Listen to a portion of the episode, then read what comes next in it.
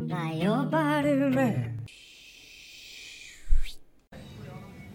Då säger vi hej och välkomna till lyssnarna till ännu ett avsnitt av Vad jobbar du med? Podden som fokuserar på yrken och yrkestitlar framför allt. Och med det säger vi hej och välkommen till dagens gäst. Eh, måste jag dubbelkolla här.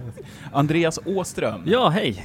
Och den här gången behöver jag inte fråga om jag uttalar det rätt tror jag. Nej, det var alla bokstäver var med så att det, det kändes rätt. Ja, härligt. Eh, vad jobbar du med? Eh, jag är handläggare vid Stockholms universitet. Wow. Ja, Eh, vad, vad innebär det?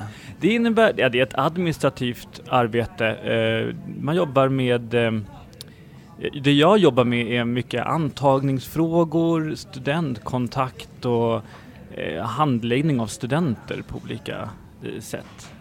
Jag specifikt jobbar med utländska studenter, med, eller en kompletterande utbildning för utländska lärare.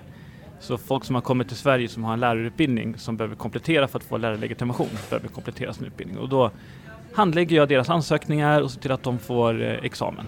Just det. Eh, vad har du för utbildning för det här? Vad gick du på gymnasiet först och främst? På gymnasiet gick jag eh, samhällsjuridik. Eh, där jag kom in, hade inte toppenbetyg från nian så jag kom in där helt enkelt. Det Jag kanske var, inte var så populärt att söka till juridik. Ja, det var nog, men det var väl ingen fin skola. det var mer, mer det tror jag. Eh, och sen började jag plugga eh, och eh, fick till slut eh, efter ett par år en kandidatexamen i sociologi. Så jag är sociolog. Okej, okay. och eh, har du studerat något mer efter det? Ja, Jag började plugga ett ekonomiprogram men insåg att ekonomi är tråkigt så då slutade jag med det. Och sen har jag pluggat sociologi och pedagogik mest. Lite genusvetenskap och lite filosofi och lite strökurser men främst pedagogik och sociologi jag pluggat. Okej, vad skulle du säga efter gymnasial utbildning totalt hur mycket? Många högskolepoäng.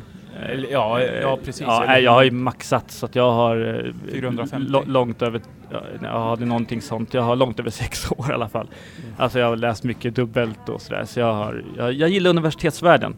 Så Ja. det var lätt för mig att fastna där för att jag har verkligen bitit mig fast, pluggat Och nu, ända sedan och nu gymnasiet. jobbar du där dessutom. Exakt. Så, att- ja. Så jag har varit nu på universitetet i tio år totalt. Oj, kan du, kan du, eh, har du mycket studieskulder om andra ord? Ja, ja, jag har ju maxat, jag har varenda studieskuld man kan ha. Och du blir inte benådad för att du sen ger tillbaks genom att jobba på universitet? Ja, man kan ju tro att man skulle bli det när man ändå är statligt anställd då, att men nej, tyvärr, någon, någon sån privilegie får man inte. Nej. Vad är det roligaste med jobbet?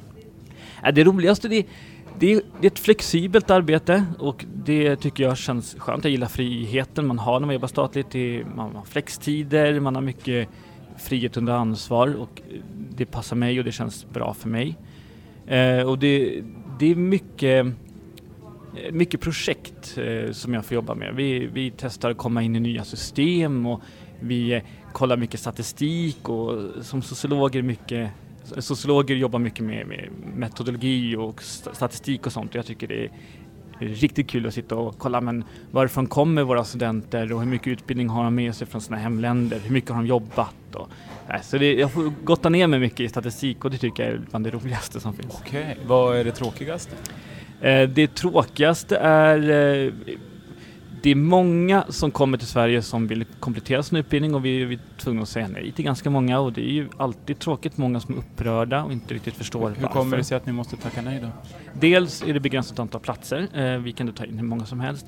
Eh, och dels så uppfyller inte alla riktigt de kraven för att kunna komplettera mot en, en, en svensk lärarutbildning. Det är för lite pedagogik i många utbildningar eller man Kan de inte läsa de, den delen också i Sverige då, eller för att komplettera? Inte eller? inom den här projektet, så jag, eller ut, eh, utbildningen som jag jobbar inom, som är utländska lärares vidareutbildning. Då får man inte komplettera mer än 120 högskolepoäng, det vill säga två år.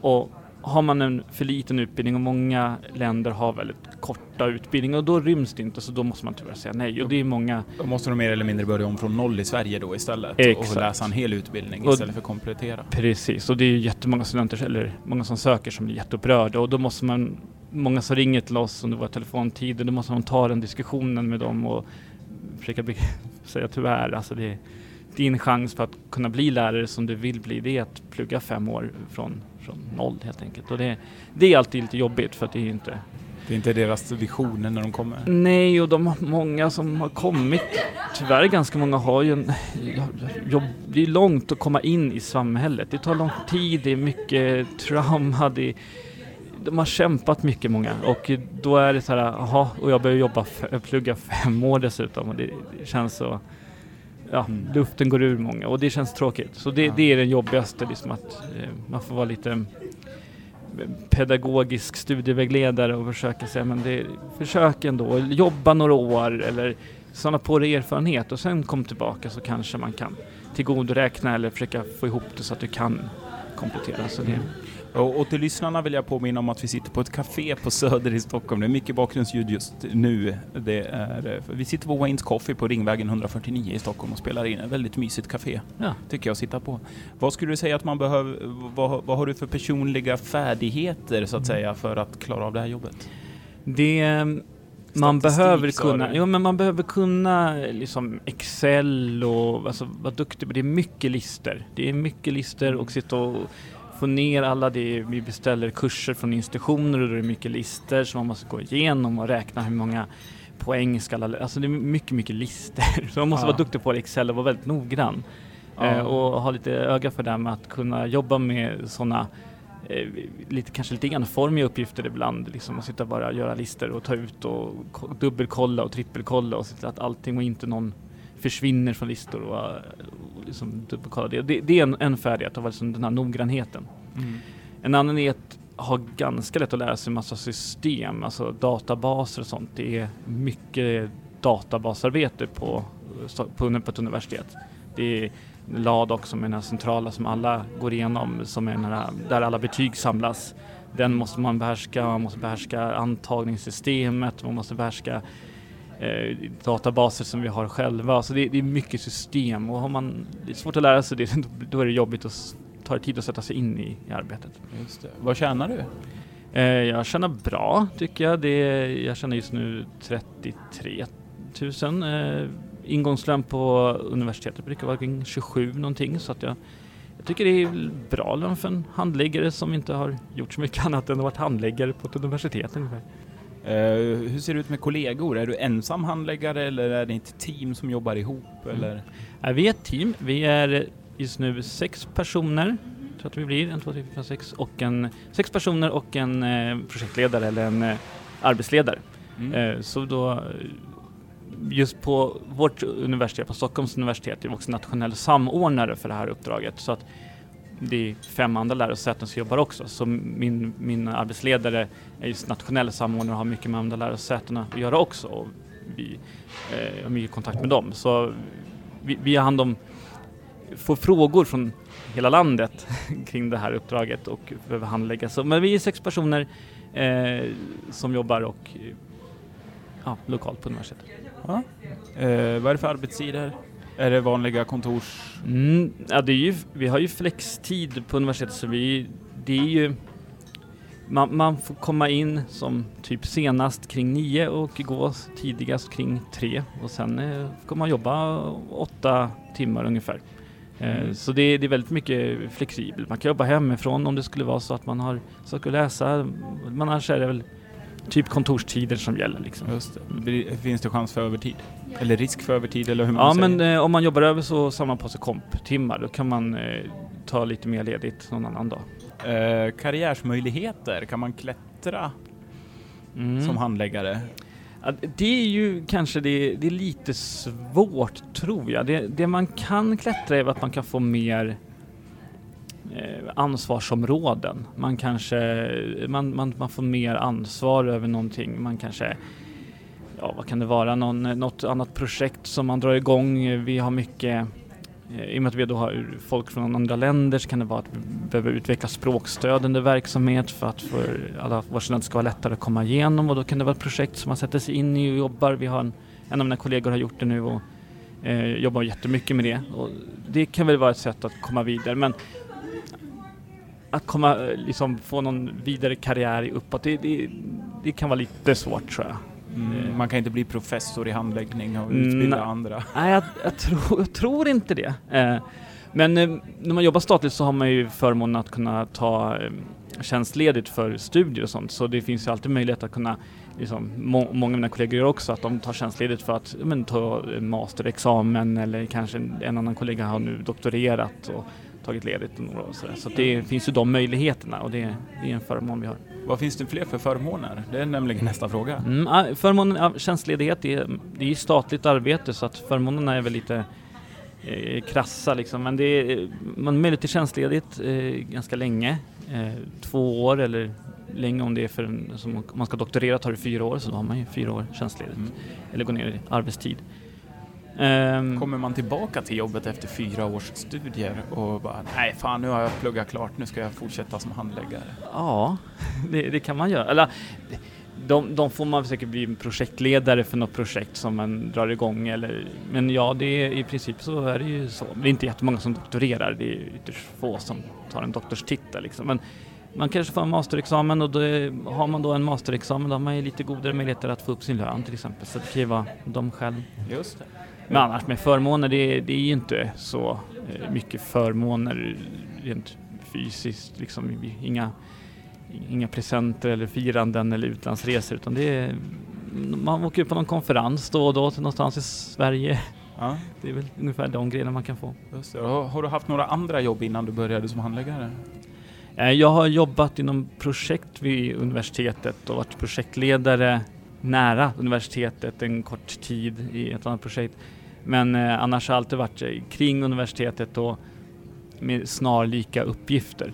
Eh, handläggare blev en det var, det var, lite lättare när man blev, väl blev handläggare för att det är så tydlig titel och då är det lite lättare att kunna eh, löneförhandla och sådana saker. När man är projektmedarbetare så är det så diffust vad det är man gör för någonting så det är svårt att ja, försöka få upp lönen och sådana saker. Ja, så det, det, är skönt med en bra titel och en handläggare är en väldigt bra, tydlig titel. Mm. Vad, eh, hur ser en arbetsdag ut? Vad, från morgon till kväll, liksom när du kommer till jobbet och tills du går hem. Mm. Kan du ta oss igenom en dag? Ja, det kan jag göra. Det första som görs, och det görs eh, oavsett när på året, det är att kolla vår gemensamma mail. Vi har en funktionsmailadress eh, och då plöjer vi igenom den och kollar vad som har kommit in. Mm. Jag försöker svara på så många av de frågorna som möjligt.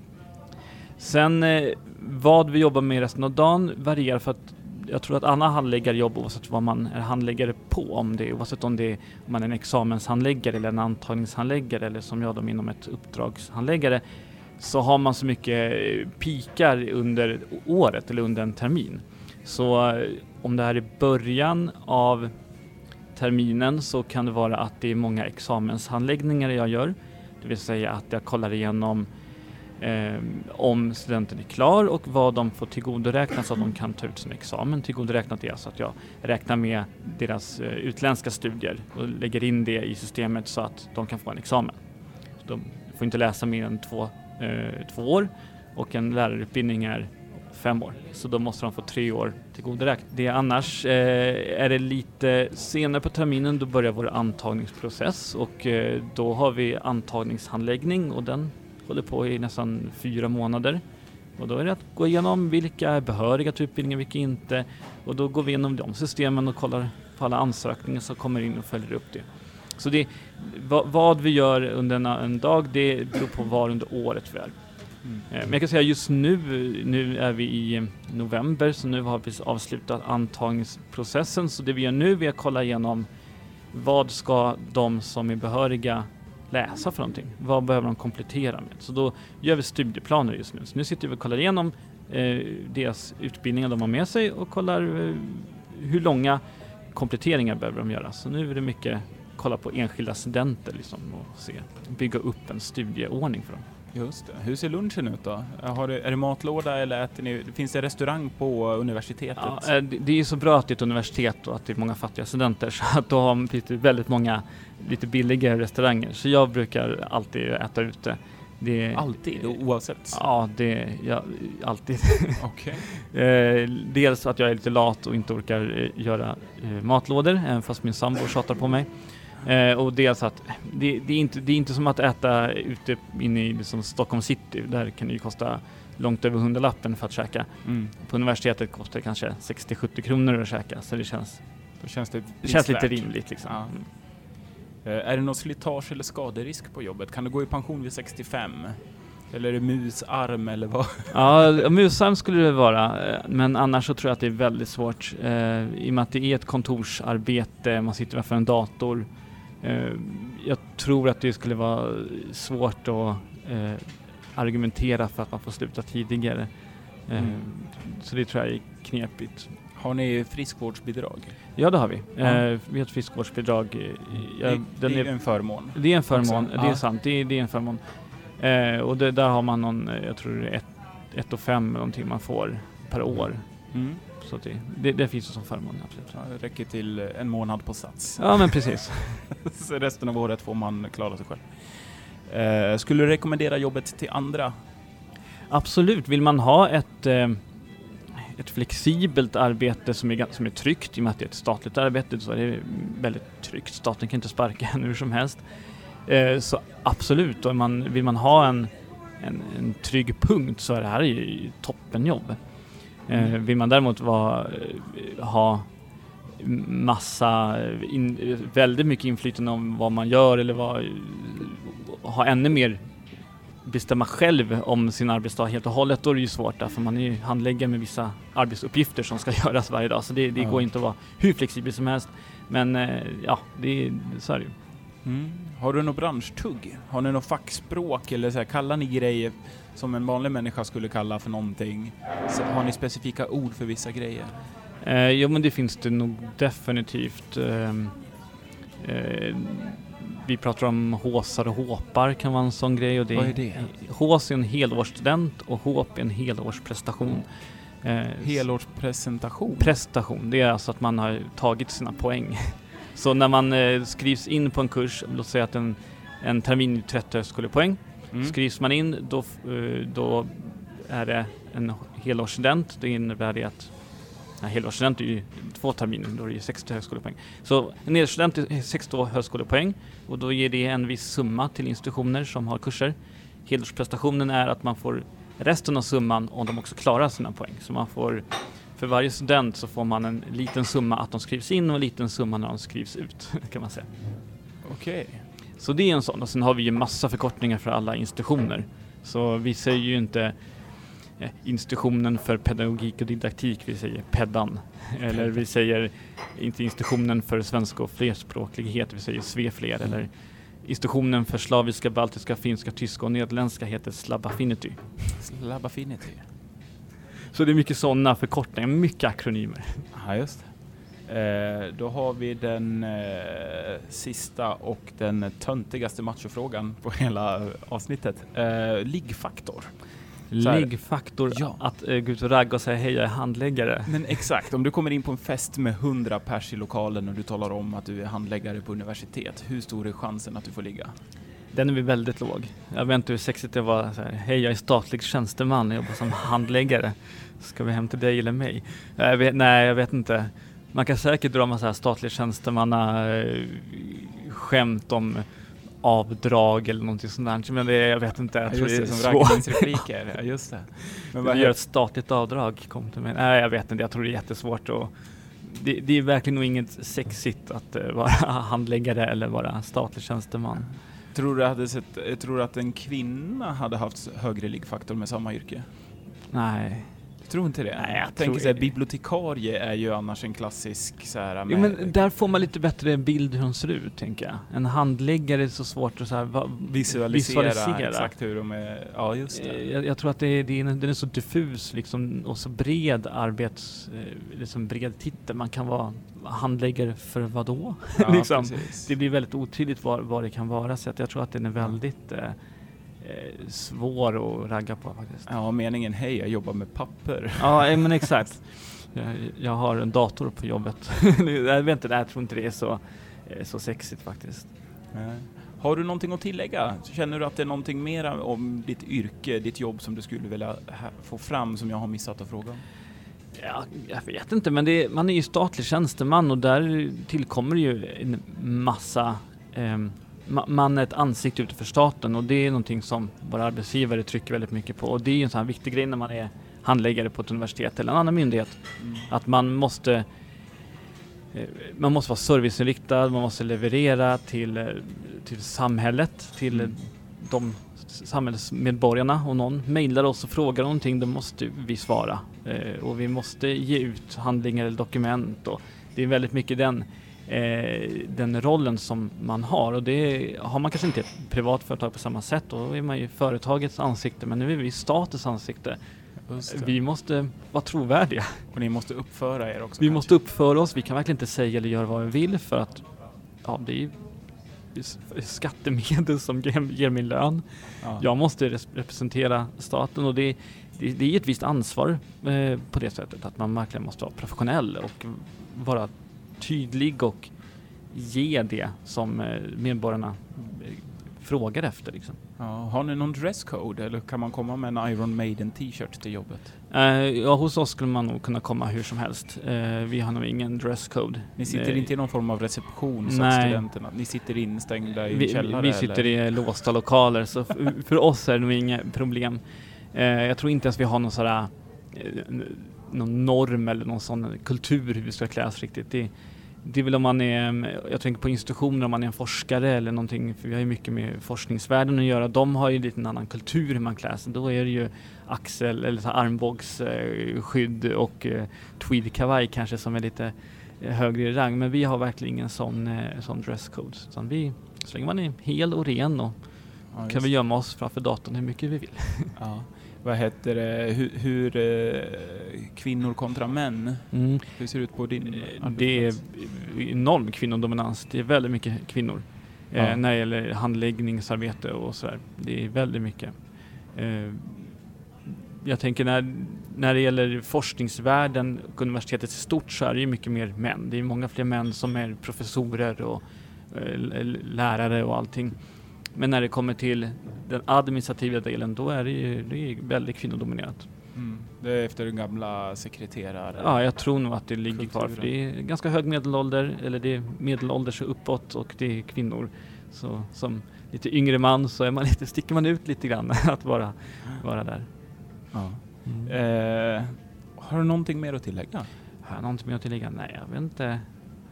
Det kanske inte låter så sexigt att jobba som det, men det är... Nej, det har vi redan Det har vi redan konstaterat. konstaterat, men det är det ett, ett bra arbete.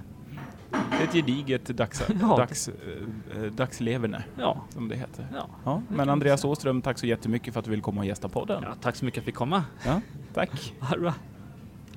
Och om du som lyssnar på podden skulle vilja gästa så är du välkommen att kontakta mig på eh, vad jobbar du med gmail.com eller besöka Instagram eller Facebook-sidan och höra av dig den vägen. Eh, tack för att du lyssnar.